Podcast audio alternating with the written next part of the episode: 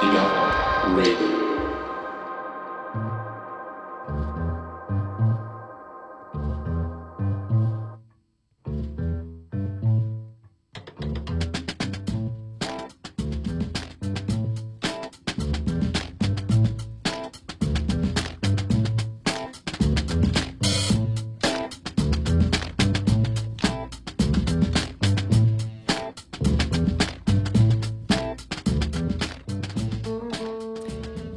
Head kuulajad, tere, Kadi.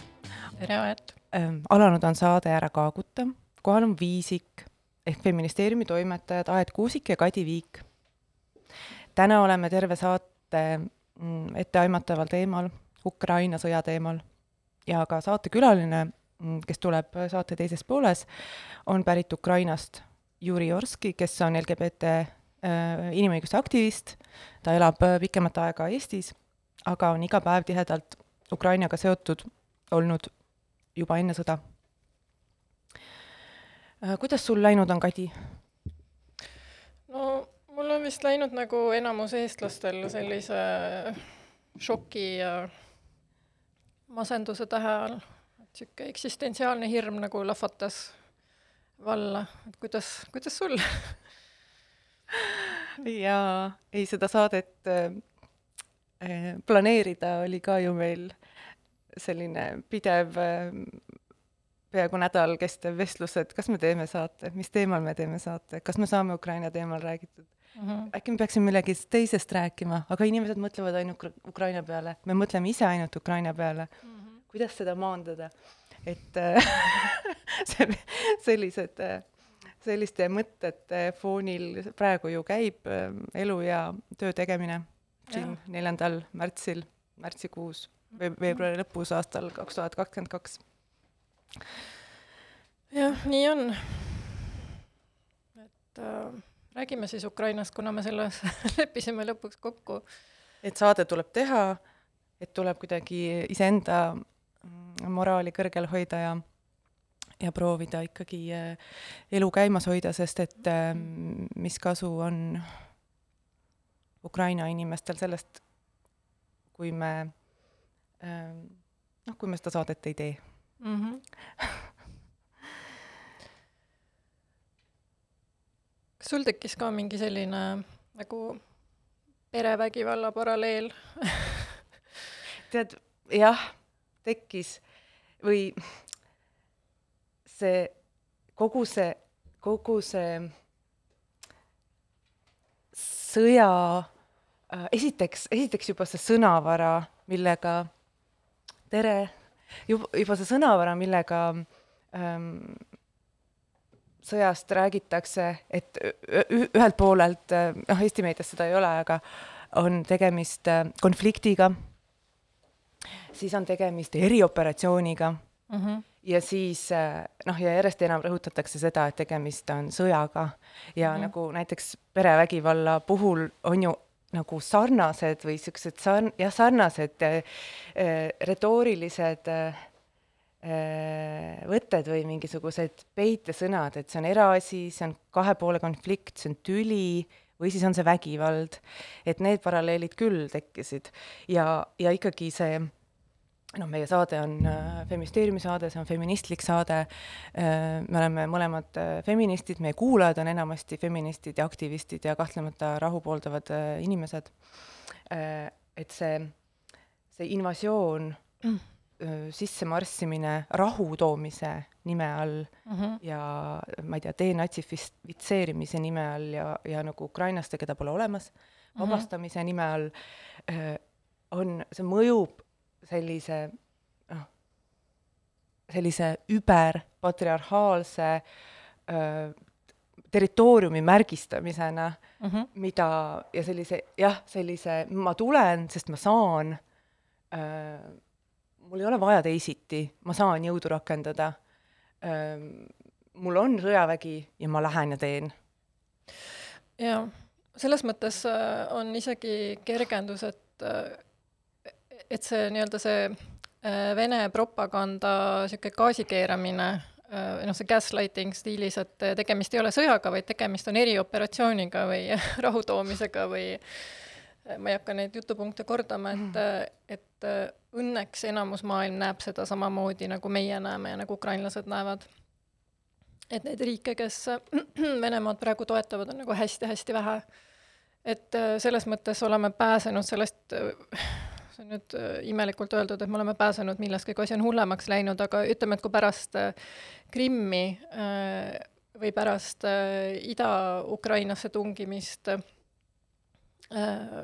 ikkagi suur osa maailmast ei tulnud sellega kaasa, et seesama, ma ei tea, konflikt või äh, nagu sa ütlesid, et kodu, kodu mingisugune Siseasi. sisetüli nagu äh,, siis praegu äh, suurem osa tunnustab seda äh, sellena, mis on, või noh, ta näeb seda sellena, mis on, et see ongi lihtsalt brutaalne vägivald, see on sõda äh,. mulle tekkis ka, mulle tekkisid need paralleelid äh, sellise noh, sellise jõhkra vastiku äh, türanniaga siis ma ei tea, klassis või kodus või ähm, et selline, ongi täpselt selline, et ma, ma olen sinust tugevam, ma teen, mis sa tahad, ma allutan sind, sind ei ole olemas sa pole nagu iseseisev, ma ei tea, autonoomne isik või riik, vaid et sa oled umbes osa minust ja see ei lõpe enne, kui sa nii-öelda oled allutatud minu tahtele. et tegelikult Evelin Võigemas kirjutas minu meelest väga noh, kuidas nüüd öelda, täpselt, ma ei saa öelda, et see oli ilusasti öeldud, aga see oli väga täpselt öeldud, et et tal tekib selline tunne, et kui ma hästi käitun, siis äkki ta ei vägista mind ja ta ei vägista mu kodumaad, et kahjuks Evelin Võigemas kirjutab, et kahjuks ei sõltu minu käitumisest mitte midagi. et vägistaja vägistab siis, kui tal see plaan on ja ta tapab siis, kui tal see plaan on ja praegu nagu on see ähvardamine veel kuidagi laienenud ülejäänud maailmale ka, et umbes, et kui te sekkute, et siis me kõik nagu, siis ma viskangi selle granaadi ja siis lendame kõik õhku. Et äh, no mingi tuumarelvadega ähvardamine ja nii edasi. et see Venemaa, no see on niisugune tõeline nagu mingi raevunud, ma ei tea, perevägivallatseja, kes lihtsalt nagu pantvangi võtnud kõik, et äh, praeguse seisuga on väga raske ka noh, tegeleda mm. mingi ennustamistööga, sest et seal on äh,, Putin on nii nurka surutud, tal kõige paremini ei lähe sellega, keegi mm. teda ei toeta, ilmselt see ei ole läinud nii, nagu ta on ju planeerinud, ja neid ei võetud sõdureid vastu lilledega mm. -hmm. et äh, et äh, minu, noh, ma ei tea, see on ikka täitsa täiesti ette, etteaimamatu. aga jah selle sõja nagu sooline aspekt, et selle all ma olen ka hästi palju nagu, või noh, mitte hästi palju, aga nagu pannud tähele, kuidas väga kuidagi, kui öeldakse, et sõda, et see on meeste sõda või, või patriarhaalne nähtus, siis et ähm, et selle suhtes kuidagi tulevad hästi kiired mingid niisugused reaktsioonid, et ei ole ju, et ähm, kõik kannatavad, aga noh, me kuidagi ei, sellega mi-, minu meelest ei tahetagi seda öelda, et keegi, et kõik ei kannata või et, et ei kannata äh, ma ei tea, mehed, kes on äh, oma keha mõlemal mm -hmm. poolel, on ju, viivad äh,, viivad äh, noh, panevad väga suurde ohtu mm. -hmm. Ja vaimu loomulikult äh,, sest selle tagajärgedega tuleb tegeleda aastaid pärast seda, kui see konflikt, see sõda ükskord lõpeb, ma ei tea, millal see lõpeb, aga sellega tuleb tegeleda aastaid-aastaid.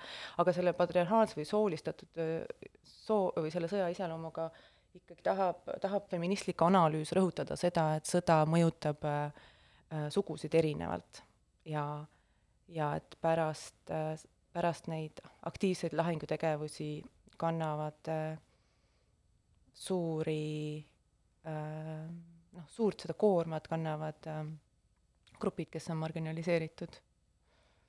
no praegu on ka näiteks äh, põgenemine ja ränne on hästi sooline, et need, kes lahkuvad Ukrainast, on naised ja lapsed, mehi ei lasta enam välja ka, olen ma aru saanud. Äh, ja näiteks Eestist lahkuvad mehed, kes lähevadki sõdima või keda on mobiliseeritud. Ähm, nii et äh, lõviosa, ma saan aru, pagulastest, kes praegu saabuvad ja keda Eesti vastu võtab, on, saavad olema siis naised ja lapsed. et, äh, et sellest aspektist on ta ka nagu hästi sooline. aga ma olen ka huviga lugenud, et mingisugune viisteist protsenti vist umbes Ukraina armeest on naised, et võrdlemisi suur äh, äh, arv naisi ja, ja see liitumine on nagu hästi hoogustunud ja ta tegelikult hoogustus vist enne juba Venemaa sissetungi. ja mul tuli meelde, me kunagi oleme Feministeeriumis ka kirjutanud, et on üks hästi-hästi hea Ukraina Valgevene päritolu äh, ajakirjanik, äh, kirjanik Svetlana Aleksejevitš, äh, kes on hästi palju seda teise maailma, maailmasõja nagu traumat käsitlenud siis erinevate nurkade alt ja ta on hästi hea raamatu välja andnud. oota, sina teadsid seda õiget nime eesti keeles jah, sõda pole naise nägu. feministeeriumis on artikkel vastupidise nimega, et sõda on naise nägu. naise näoga sõda ehm, eh, kus ta siis on intervjueerinud neid naisi, kes sõdusi, sõdisid äh, Punaarmees Teise maailmasõja ajal. Ja noh, see on see on äh, nagu raske lugemine, nii et ma võib-olla, ma ei, ma kindlasti soovitan seda raamatut, aga noh, eks ise peab otsustama, et kas selleks on, ollakse praegu valmis või mitte. Aga tema tõi välja ka statistika, et äh, Teise maailmasõja ajal oli äh, kui ma õigesti mäletan, kuskil veerand miljonit sõdis vist Saksa sõjaväes ja pool miljonit äh, USA ja Suurbritannia sõjaväes ja Punaarmees oli ligi miljon naist ja nagu hästi erinevates rollides. et tegelikult noh, neid naisi seal päris nagu rindel on, rindejoonel on ka. ja, ja juba Teise maailmasõja ajal nad tegid väga erinevaid äh, Äh, ülesandeid, et, et nad ei olnud ainult tagalas või äh, ma ei tea, parameedikuid, vaid noh, olid ikka, juhtisid tanke ja olid snaiprid ja nad tegid nagu sellist äh, väga, ütleme, sõdisid väga aktiivselt. aga noh, erinevus oli selles, et kui nad tagasi tulid sõjast, et siis erinevalt teiste Punaarmee sõduritega, siis neid ei vaadeldud kui kangelasi, vaid pigem kui anomaaliat. Mm. Aga noh, eks feministlikus diskussioonis on see ka olnud äh, lõpmatu küsimus, et kas, kas äh, selline sõda kui patriarhaalne nähtus, kas sinna äh, selle äh, hoogustumine, et naised läheksid patriarhaalset nähtust äh, mm -hmm. oma äh,, oma kehaga edendama, et kas see on equality, võrd-, kas see on võrdsus mm -hmm. või see ei ole võrdsus, et noh, see ei ole võib-olla Ukraina kontekstis, noh, see ei ole praegu, ei ole õige aeg seda võib-olla arutada, et seal ei ole kohapeal kellelgi privileegi olla patsifist. et, et iga, ja Ukraina on ju väga äh, selles sõjas on ju väga agentne ja kõik inimesed seal, kes on kas kohapeal või nad äh, peavad ära tulema ja kõik need organisatsioonid äh,, kes on no mobiliseerunud ülikiiresti ja ajanud kokku suuri summasid äh, raha ja tõesti, ma vaatan seda ja ma, see on, see on üks asi, mis tõesti äh, annab äh, noh, teeb kuidagi äh,, annab lootust. jaa äh,. aga et, et jah, see, see see küsimus, et kas, mis, mis, millise seisukoha peaksid äh, feministid sõja asjus äh, võtma, et see on selline äh, ongoing ma sain ka täna hommikul ühelt feministilt sõbralt äh, kirja, mis läks välja väikesele ringile feministidele ähm,, kus ta tegi üleskatse meil kõik äh, kodukaitsega äh, liituda. issand, mis see naiskodukaitse. naiskodukaitsega liituda. ja äh, ma näen, et äh, neid feministe on veel, kes nagu äh, väga tahavad panustada äh, või kuidagi valmistuda või noh, et äh, osad on isegi põhimõtteliselt valmis Ukrainasse minema äh,, vähemalt äh, nii nad ütlevad, et see on äh, aga noh, neid rolle on ikkagi ju väga palju, aga mina olen täiesti ka äh, veendunud selles, et need äh, kõik sellised oskused tulevad kasuks ja, ja näiteks ja. Äh, praegu noh, mul ei ole näiteks autojuhilube ja ma ei ole inimene, kes tahab endale autot või on kuidagi, ma ei tea, ma olen tuntud selle pärast, mul puudub huvi autode vastu või kuidagi ei eruta üldse, aga et äh, tegelikult ma ei tea, pere, perre või majapidamisse, noh, kui, kui juhtuvad sellised sündmused, sa pead saama kuskilt auto ja lahkuma, et siis noh, sul need oskused, need oskused on vaja. Ükskõik, kuidas sa siis panustada tahad et sul võib ju see Naiskodukaitsega liitumise üleskutse, ma arvan, et on väga-väga äh, hea ja mul ka üks äh, tuttav osales sellel äh, või sõber osales sellel äh, infopäeval nüüd hiljuti ja seal oli hästi palju rahvast koos mm. -hmm. ei no hea, jah, ega ma ei, jah, selles mõttes olen nõus, et äh, igasuguseid oskuseid läheb vaja ja igasuguseid rolle on vaja täita ja Aga..., ja tõesti, et see on privileeg olla Patsifis, kui sinu noh, sa saad seda olla, kui, kui sinu kallale ei tulda nii-öelda. ja, ja see hästi palju mul mm. seostub praegu nagu lä-, lääne Twitteris või kuskil inforingides tõesti selliste, selliste lääne subjektsusega tarkade, väga haritud inimeste nagu sellised arvamused selle sõja kohta, et kuidas nüüd äh, äh umbes mis mõjuvad sellise täiesti nagu tundetuima targutamisena, vabandust, et, et sellised, et, et, et äh, kuidas äh, kuida-, ja ma saan sellest, tegelikult ma saan sellest aru, aga kui su enda nahk ei ole mängus, siis on noh, väga lihtne öelda selliseid asju, et et ähm, noh, ma ei tea, Afganisa-, Afganistani sõja peale keegi nii palju ei mõelnud ja nüüd ukrainlased on ju, Ukraina sõja, sõja peale kõik äh, nagu äh, mobiliseerivad oma, oma kõik äh, võimalused aidata ja nii edasi. aga et see ei aita mitte kuidagi praegu.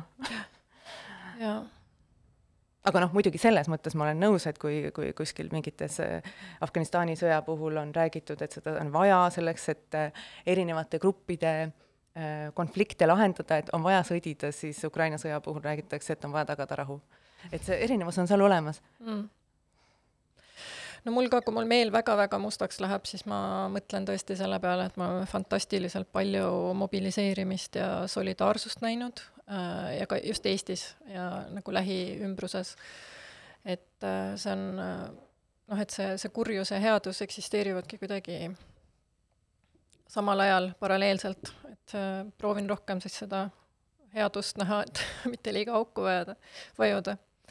aga ma tahtsin ka veel ähm, öelda selle äh, majandus, seda võib vist ka majandussõjaks nimetada, see on sõda, mis äh,, mis või noh, rünnak või ma ei tea, mis praegu toimub, et äh, kus kogu Vene majandus on sisuliselt ära lämmatatud, et et ma mitte miskit pidi ei äh, Äh, arva sellest, äh, et see oleks vale, lihtsalt äh, ma mõtlen, et selle tagajärjed on nagu meeletult suured ja ja et see majandusvägivald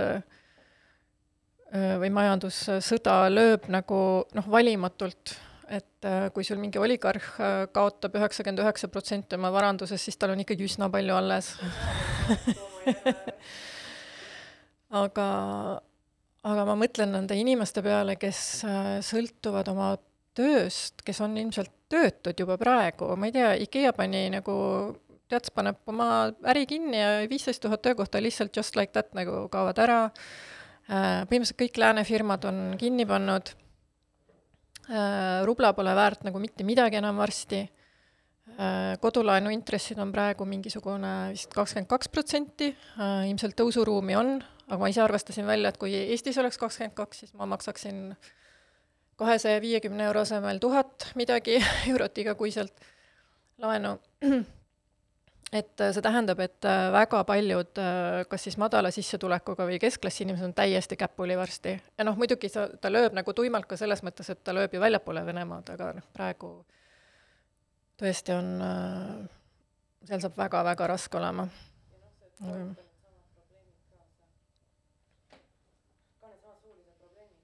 Mm. -hmm.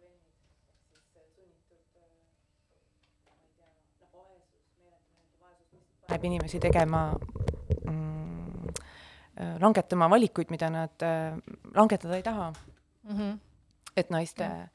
ja jällegi äh, nagu LGBT grupi äh, trans äh, kogukonna ah, teemad on seotud hästi palju inimkaubandusega ja, ja sellise survival sex work'iga ja, ja, ja ikkagi ol-, väga haavatavad mm, just sellise inimkaubanduse suhtes. aga okay, jah, enne kui esimese loo juurde lähme, siis ma lihtsalt tahan rõhutada, et äh, loomulikult ma esmajärjekorras mõtlen praegu humanitaarkriisi peale, mis äh, Ukrainas on ja kõik, mis sellega kaasneb, nagu alates, ma ei tea, toidupuudusest ja küttepuudusest ja veepuudusest ja mida iganes, et äh, kuskilt lugesin, üks, üks Rootsi kolumnist, kes kirjutab hästi palju Ida-Euroopa teemades, kes lihtsalt tuletas meelde, et sõda suurlinnades on nagu maapealne põrgu ja Kiiev on väga-väga suur linn ja see saab olema väga hirmus. aga sina valisid esimese loo? jaa, ma valisin äh, loo artistid, keda ma olen varem ka siin saates mänginud, see on äh, Aljona Aljona What about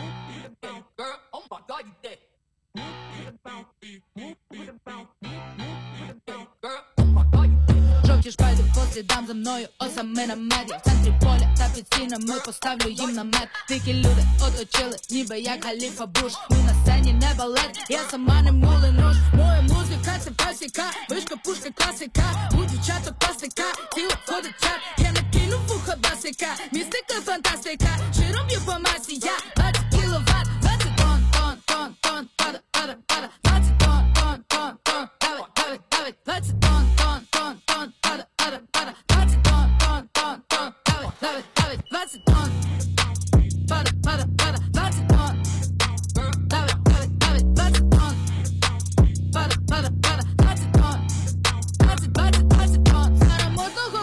що я крінж як персонаж. Можна говорити, що я краша, я є краш. Скільки пилу поруч не літало, знаю, він осяде В твоїй шафі безлад, я прийду і наведу порядок Саме так, чуєш так, боже, дай матусі сил. Кожен хейтер уночі, мої міряє труси. Всі сторінки ваші фейк, кожне слово як вода. Дайте майки тут для того, щоби 20 тонн, тонн, тонн 20 тонн, тонн,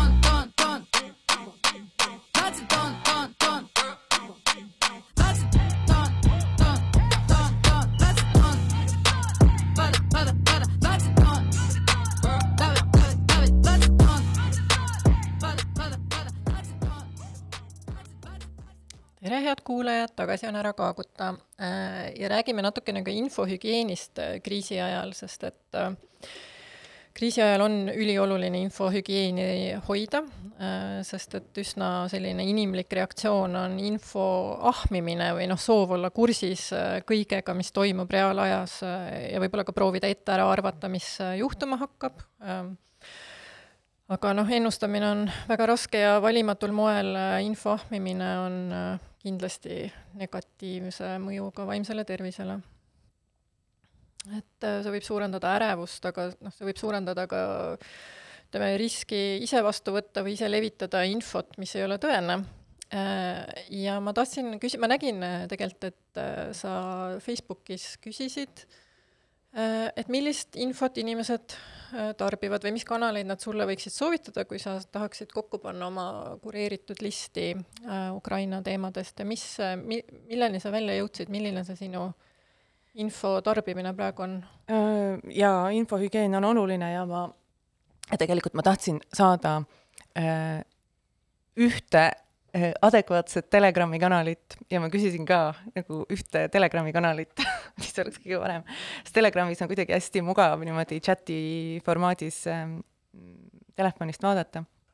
aga ma sain igasuguseid soovitusi, sain soovitusi vaadata telekanaleid, sain soovitusi lugeda CNN-i ja, ja ka mõned Telegrami kanalid sain, et ma mm, tõesti ka nendel esimestel päevadel olin hästi segaduses ja ma ei saanud aru või noh, ma, ma nagu ei äh,, ei olnud läbi mõelnud või ei olnud aega selleks äh, läbi mõelda, et läbi mõelda, et, et mi, mida ma siis jälgin ja siis vaatasin umbes Guardiani ja Deutsche Wellet ja mõtlesin, et ma USA kaudu vahendatud uudiseid ei taha, aga noh, mida ma siis ikkagi tahan ja ja, ja siis äh, do-, Dost seda telekanalit püüdsin vaadata ja ikka nagu läks selliseks virvarriks äh,. aga praegu ma olen jah, tõesti piirdunud äh, ühe selle inglisekeelse äh, Telegrami kanaliga, mida mulle Juuri soovitas. Ja, ja siis ma vaatan mingisuguseid paari suuremat ähm, paari suurimat sellist traditsioonilist meediat ja võib-olla paar korda päevas no ma just niimoodi... tahtsingi küsida, kui tihti sa vaatad, et kas sa suudad vaat... nagu mitte iga viie minuti tagant vaadata? ma olen võtnud endale selle ülesandeks küll, sest et seda infot tuleb nii palju peale, aga ma olen seda ja, ja sellega on võimatu kursis olla. aga ma olen jah, mul on ka siin näiteks Telegramis üks, üks noh, mingi hästi karm grupp, see Išisvaih, kus on äh, need vangi langenud äh, Vene sõdurid ja nendega siis nad noh, ütlevad, kes nad on ja kust nad tulevad ja antakse võimalus koju helistada ja see on hästi-hästi karm. sest et mm. nad on ja seal on muidugi pilte ka, mis on hästi karmid, et seda ma ei soovita, seda ei ole, õnn-, selliseid su, nagu surn-, pilte surnutest ja selliseid ei ole nagu meedias mm.. Õnneks aga sellistes gruppides asjades on, et selle, sellega tuleb väga-väga ettevaatlik olla. ja ma jah, vahel vaatan sinna, aga nad tõesti nagu, nad on lapsed ja nad on noh, kahe tuhandendatel sündinud inimesed mm, -hmm. Kes lihtsalt äh, noh, see jutt, mida sealt on kuulda, et, et äh, see on väga-väga valus on kõike seda näha mm..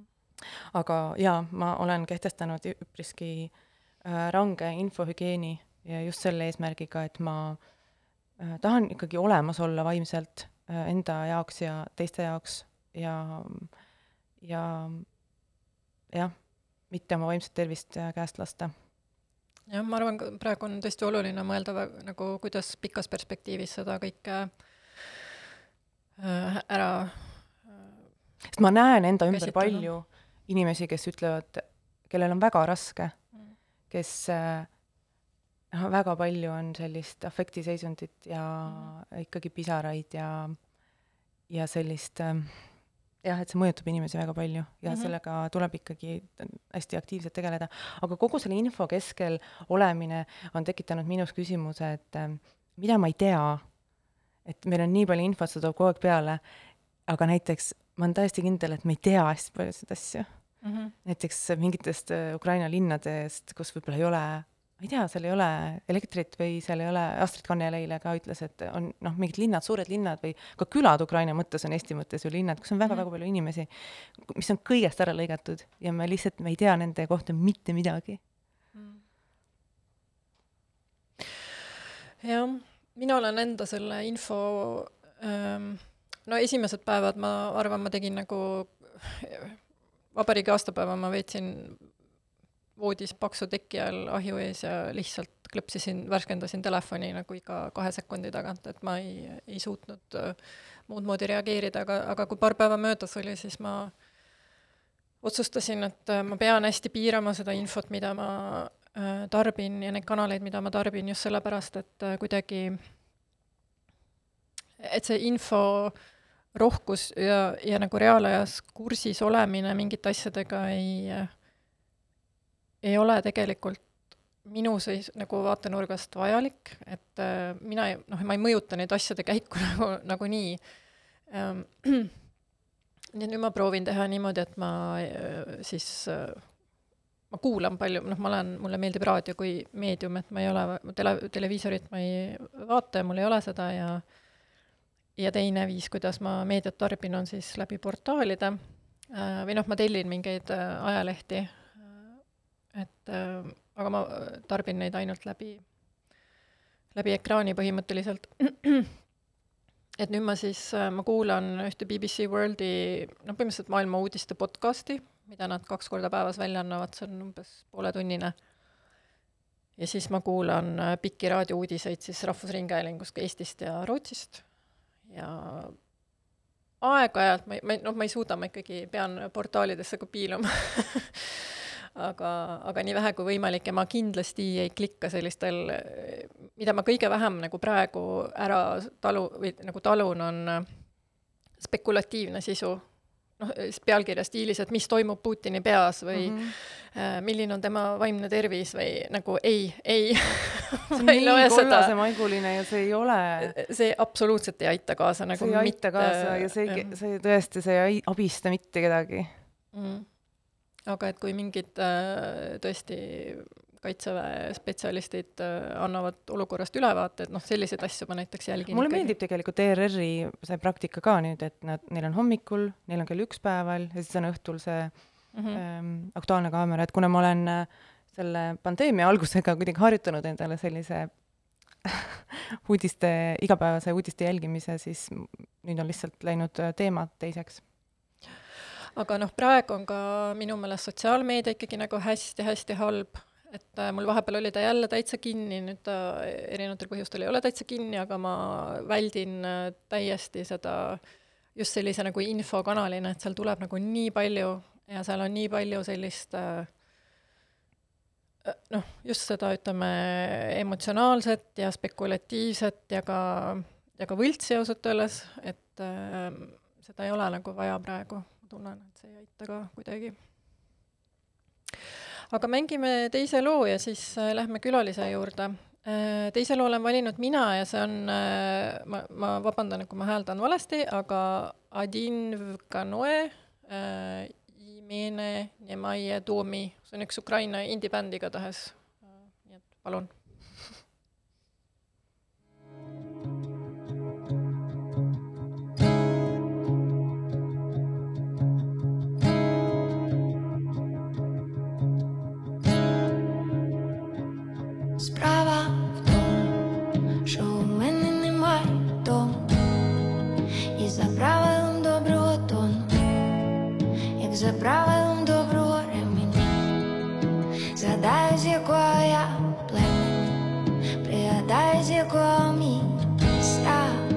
чекаю на своє героїв Мені просто нема де сісти написати свою промову.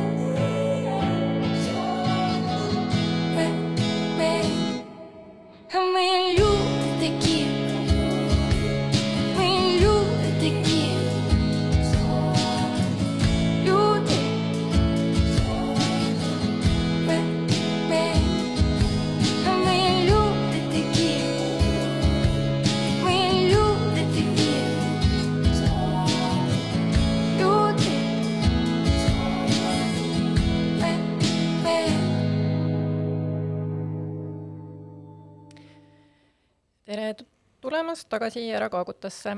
ja nüüd on meil äh, stuudios külaline Juri Jurski, kes on äh, Ukraina LGBT inimõiguste aktivist ja äh, me teeme intervjuu inglise keeles. et hello, Juri, welcome Hello, thanks. um,. Can you tell a little bit about yourself first, who you are, what is your connection to Estonia, to Ukraine? Yeah. Um, so yeah, I was born in Ukraine, and uh, I've started my LGBT activism there in city of Zaporizhia, and I was working there for so many years on- on national level. And five years ago, I moved here because of work to Estonia, where I'm working in a regional organization fighting for LGBT rights in Eastern Europe and Central Asia. Okay. So, um, well, we invited you for obvious reasons. Um, so can you tell a little bit about what is the situation like uh, for your family, for your friends, for your fellow LGBT activists in Ukraine at this moment? Um, unfortunately, it's been already the ninth day, and the situation is not getting any better after Russian invasion to Ukraine, and it's like a full-scale war happening in Ukraine, and um, every day people are just dying because of the strange decisions, uh, violent decisions of the people who are in charge in Russia. Um, my family is stuck in the city of Zaporizhia, and um, my mother and father they are old enough and not willing to move. Uh, my older brother he's he cannot leave the country because Ukraine is mobilized right now. And just like half an hour ago, um, he was able to put uh, his wife and kids to evacuation train. So they sorry they will try to leave Ukraine. Which uh, which country will they go to? Um, I'm ready to take them here in Estonia. As soon as they pass the border, um, I will evacuate them here and they will stay with me. Great. So, do you, because of your work, uh, uh, do you have information about um, how LGBT people are doing, like with the mobilization? How are trans people mm. doing? Yeah, um, so ever since the war started, of course, like it's the life for all of us activists, uh, especially from Ukraine, just stopped as well. So we are in touch, all of my friends and fellow LGBT activists, they are in Ukraine. And um, after a few days of like shock and panic, which is obvious reaction for a human being, um, they started to mobilize and strengthen themselves and try to help people who are in need. Because I do believe for us as a as an activist, um, it's very important to stay even stronger than others to help those who are vulnerable. Um, and I understand that some people they made everything possible to leave, and some of the activists left, which is totally understandable. And at the same time, many people decided to stay mm. and uh, keep supporting the community who are still in big need um, taking into account the like Ukrainian realities, which is not very still uh, open-minded country for LGBT people, and still homophobic rhetoric is widespread in the society, which means that many LGBT people who are uh, in coming out, they didn't have attachment to their families, so they've been on their own. And in this situation, they appear to be even more vulnerable of staying home without any help from their parents, relatives, and no one to help. So I know many people who are still helping. Uh, in Kiev, who is under attack all these days, in Kharkiv, who are un- which is under attack every day, in Zaporizhia, which might be occupied like every minute and in many, many other cities. And uh, many organizations are helping now on the West, where people are escaping or trying to get away farther from the war zone, which is now like east, south, north, like mostly everywhere except from central and western Ukraine. Mm. They're opening shelters, uh, temporary residents. They are helping people to get to the border. They try to find humanitarian support. Um, there are people trying to help with antiretroviral therapy for HIV positive uh, LGBT individuals, and so on, and many, many other help. Yeah.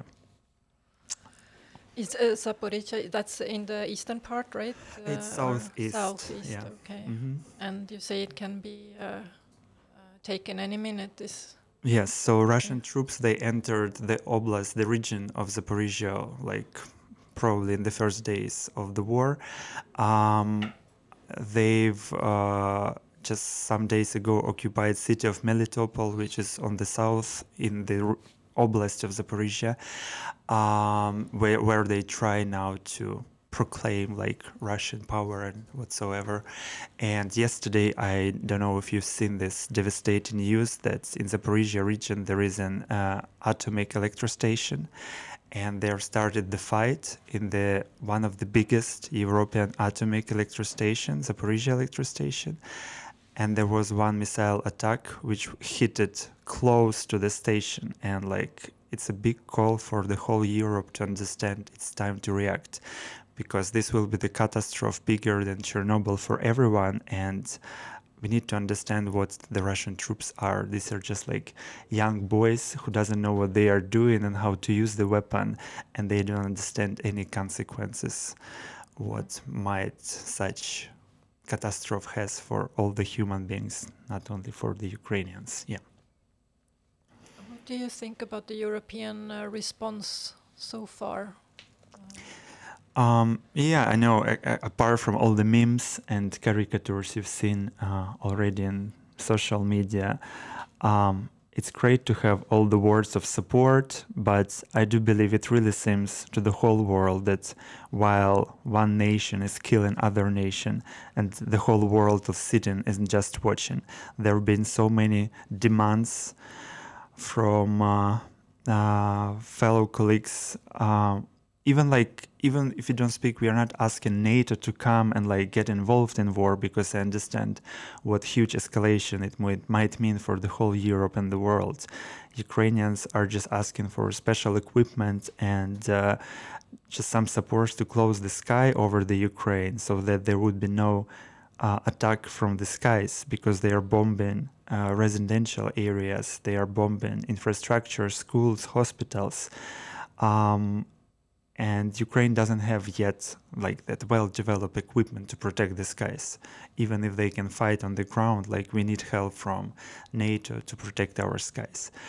Um, I'm in all in favor, and I understand all the sanctions happening to Russia, and I know the consequences it will have on the people in Russia, including average people and LGBT people. Um, but it seems that it's only uh, tool we have in power right now to be not to be violent and not to evolve with the bigger war. So, yeah, I think that European response is yet weak. Mm. Okay. Um, well, you live in Estonia, so do do you um, interact with uh, like do you have Russian friends in Estonia? What what have you seen here? Because I don't really actually understand the Russian Estonians' position. I guess it's very divided, but what is your um, experience? Yeah, um, I don't have much to share probably because I live in my leftist liberal, liberal Estonian speaking circle here with all the foreigner friends. I have my friends who are from Ida-Virumaa themselves, but they are like our friends and people and full support. Mm. Um, I've heard some like very random stories when people from Russian-speaking Estonians who still been watching Russian state propaganda media and they like don't have probably critical thinking skills to just divide what is lie and what is truth and maybe they've been in favor but in these recent days i just don't have energy to read comments or opinions from Russian speaking Estonians here. I just get the full support from my friends and fellow activists in Estonia who support and uh, who proclaim openly that it's Russian aggression against Ukraine.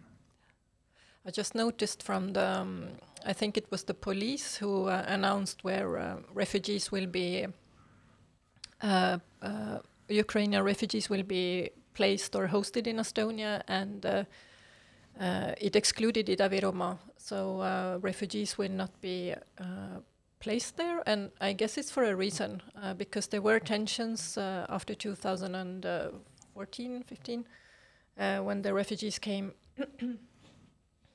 so yeah, apparently the the community, Russian community, is divided. But what is what about Ukraine? Uh, because you have Russian minority in Ukraine. Uh, what uh, what what is their reaction to the war, or how do they behave? What do they do? Do they stay? Do they leave? Yeah, I think it's a very big lesson and a good story to share that after 2014 events and after occupation of Donbass and Luhansk region by Russian troops and like making all this political manipulation to proclaim their independence, uh, the rhetoric which was used in Russia and the lies spread via propaganda media said that there have been um, violence against Russian speaking Ukrainians and we need to defend them. And after 2014 events, uh, many of Russian speaking Ukrainians they started to say like it's not okay. Like uh, we didn't have any oppression against Russian speaking Ukrainians. So it's been a state sponsored lies from Russia to like make this conflict. Um, so I I feel that after 2014, Ukraine became more united uh, in saying that like there is a mm, enemy which is Russia, uh, and like just to show more that we are not oppressing anyone in Ukraine, especially like Russian speaking. I am from Russian speaking region. I never had any problems. Like I speak Ukrainian as well, but I never had any problems with me being speaking in Ukraine. Um, and maybe even there have been people who've been still saying that um, I don't like Ukrainian government or whatsoever, or what Ukrainian government is doing. After the war has started, everything I see is that like all Ukrainians just became more united and saying that uh, Russia is enemy and we need to stop them. There is no more like double thoughts or I don't know doubts to think who am I supporting. Everyone everyone understand that uh, Putin is a violence machine who is just he doesn't care about people. It's everything about his geopolitical ambitions and so on. Yeah. Do you have any contact with um, uh, feminist uh, activists or organizations in Ukraine? Do you know how they are doing right now or what they are doing? Yeah, um, so I think the most prominent who've been before now it's all Ukrainian inside NGO and their leader Olena Shevchenko. Uh, she stays in uh, Kiev herself and they have opened so many programs for LGBTQ uh, people and women uh, in Ukraine and they are helping them. Uh, they are getting, I assume, many donations and many people wants to support them because they are doing a great job. Uh, so yeah, you can find them easily in internet and support them. But another organization is Fair uh, NGO from Kharkiv, and Kharkiv is now under of severe sh- uh, shelling and uh, um, missile attacks. Um, their leaders, Anna Sharygina, my good friend, she's just been to Estonia like two weeks before war started, visiting me. It's so insane. Like, if we only knew that she could stay with her partner. Um, so they are now home uh, under attacks. There are strong decisions not to leave. They decided they will stay till the end. Um, Sphere NGO, the feminist queer NGO, has been organizing women's uh, marches or the event called Women's Solidarity Weeks every year in Kharkiv, where they've been talking a lot about also ethnic issues because Kharkiv being the border region close to Russia and being Ukrainian.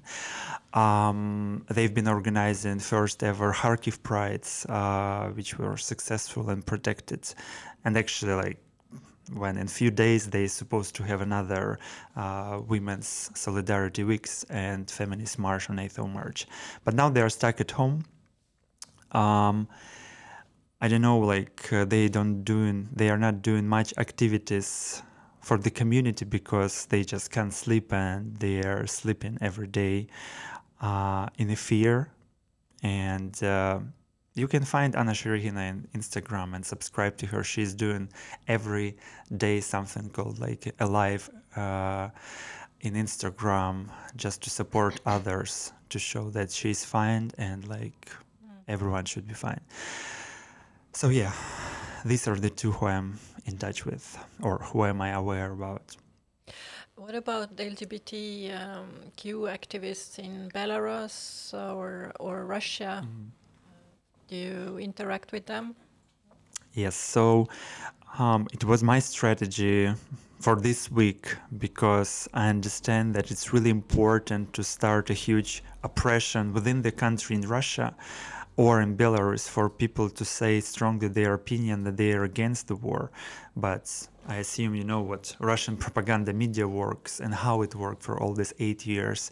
Even like my friends who are not activists, just to clarify here, just random people who've been subscribed to me in Instagram, they don't believe. They don't believe people from the ground. They said that it's a uh, a special operation to free Ukraine from Nazis or whatever they call it. Uh, so the propaganda is really strong. So we've been demanding all these days for Russian people, activists, to go on the streets the, to the protests and demand start the war.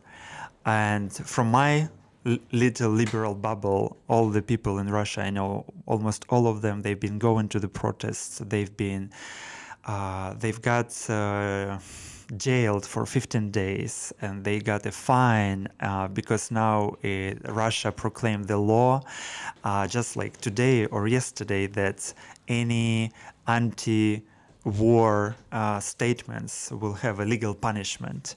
So like it's a huge oppression over the freedom of speech, free media. They closed in Russia so many liberal media these days.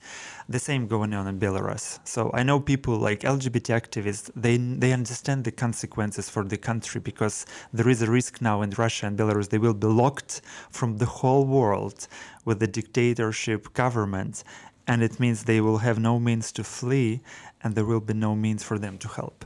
So they understand right now how crucial this moment right now even more crucial than it was before. But russia is huge and how many lgbt activists are there? Like hundreds? It's not enough. Uh, we need like the whole country to go on the protests and it's not happening. So i like the the engagement and I, I would say solidarity I've seen I, I'm I mean I'm obviously also living in a bubble just like you but my own bubble here in Estonia but the the amount of um, uh, engagement for Ukraine is enormous um, but what would you recommend for Estonians who would like to support um, Ukraine? What could they do here or, or in Ukraine or I mean by donating directly to organizations or, or giving support here? Yeah, I've seen many like calls for support and it's great to feel this support. It really means a lot for the Ukraine to know that there is like a huge world of support and people know. There have been many calls to support Ukrainian army. However, like you know, for us liberal activists, it's hard to support war by any means. H- however, it's still important for people to protect the country. But uh, yeah, there are fundraisers directly from LGBT organizations in Ukraine helping our community. So you can find them like Kiev Pride, Insight NGO, Sphere NGO, Gender Z, Protego NGO, um, and many more. Um, just today, um, me and my friend, uh, we've started our own fundraiser because um, it's so insane because there are still donors, bureaucracy at the moment of war, and they are approving project amendments and how would people uh, bring the reports, how they spend the money. It's so insane. That's why we've decided to start our own fundraiser because people from Ukraine directly write to me like, "Can you help me? Can you find me?" People need like basically sometimes it's just the money for them to buy food because they don't have job. People didn't have savings for anything, so we will try to support them. At the same hand, it's great what you are doing here in Estonia already. So Estonian LGBT Association started their support for if there would be any LGBT individuals coming to Ukraine, so to support them. Um, you can check also the possibility, in particular, to support organizations in Poland, uh, Romania, or Slovakia because they are meeting people on the border who are passing the border and they need like a safe refuge for a night or like some food or whatever or transfer to another country. So it would be important to support them. Because for example organization from poland lambda uh, they have a very important program to uh, have hormonal therapy for trans people who are passing the border because they would still need a, a medical prescription in the pharmacies. Like how, where would you get them as a refugee? So like it's still insane. So they are helping with that. Um, yeah, so just check something like that. Is there is there something you think um, Estonians should avoid uh, in when trying to help? is there things that don't do any good? Yeah, I think um, what I feel now, like it's been nine days, it's still very emotionally hard. I know, like with time, probably we would. I, mean, just only two days ago, I've got myself to emotional point that like I don't have right to be emotionally silly. I need to stay strong and like keep doing something, helping people. But now emotionally, it's still hard for most of the Ukrainians.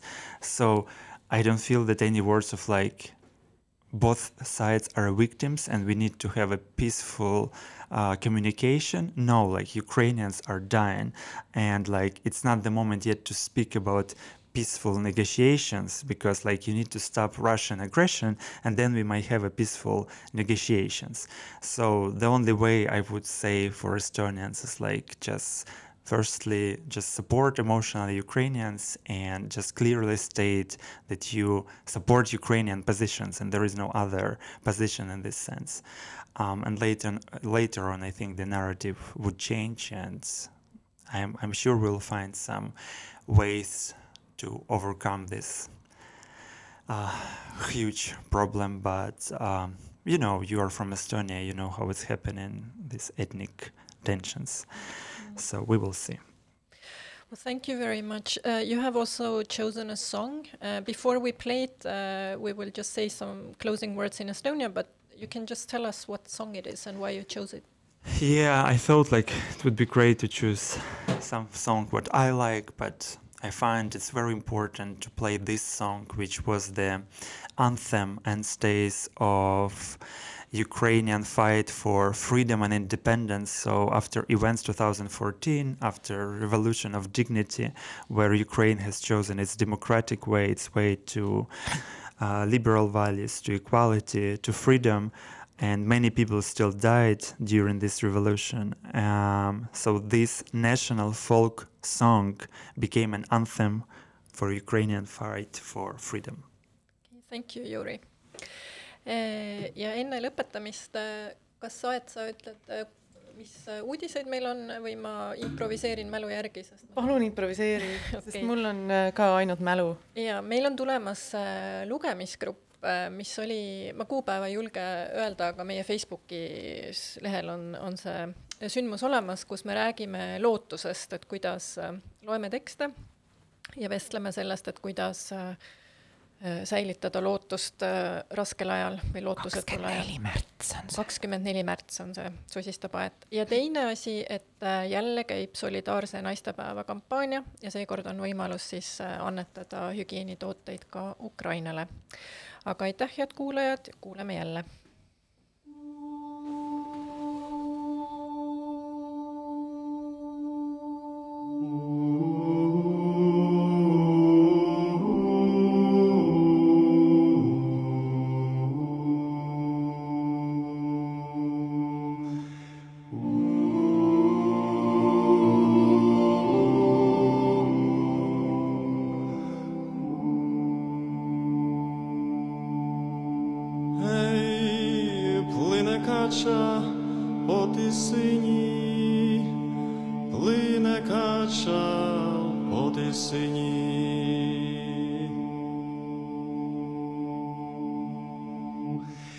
Мамко ж моя не лайме.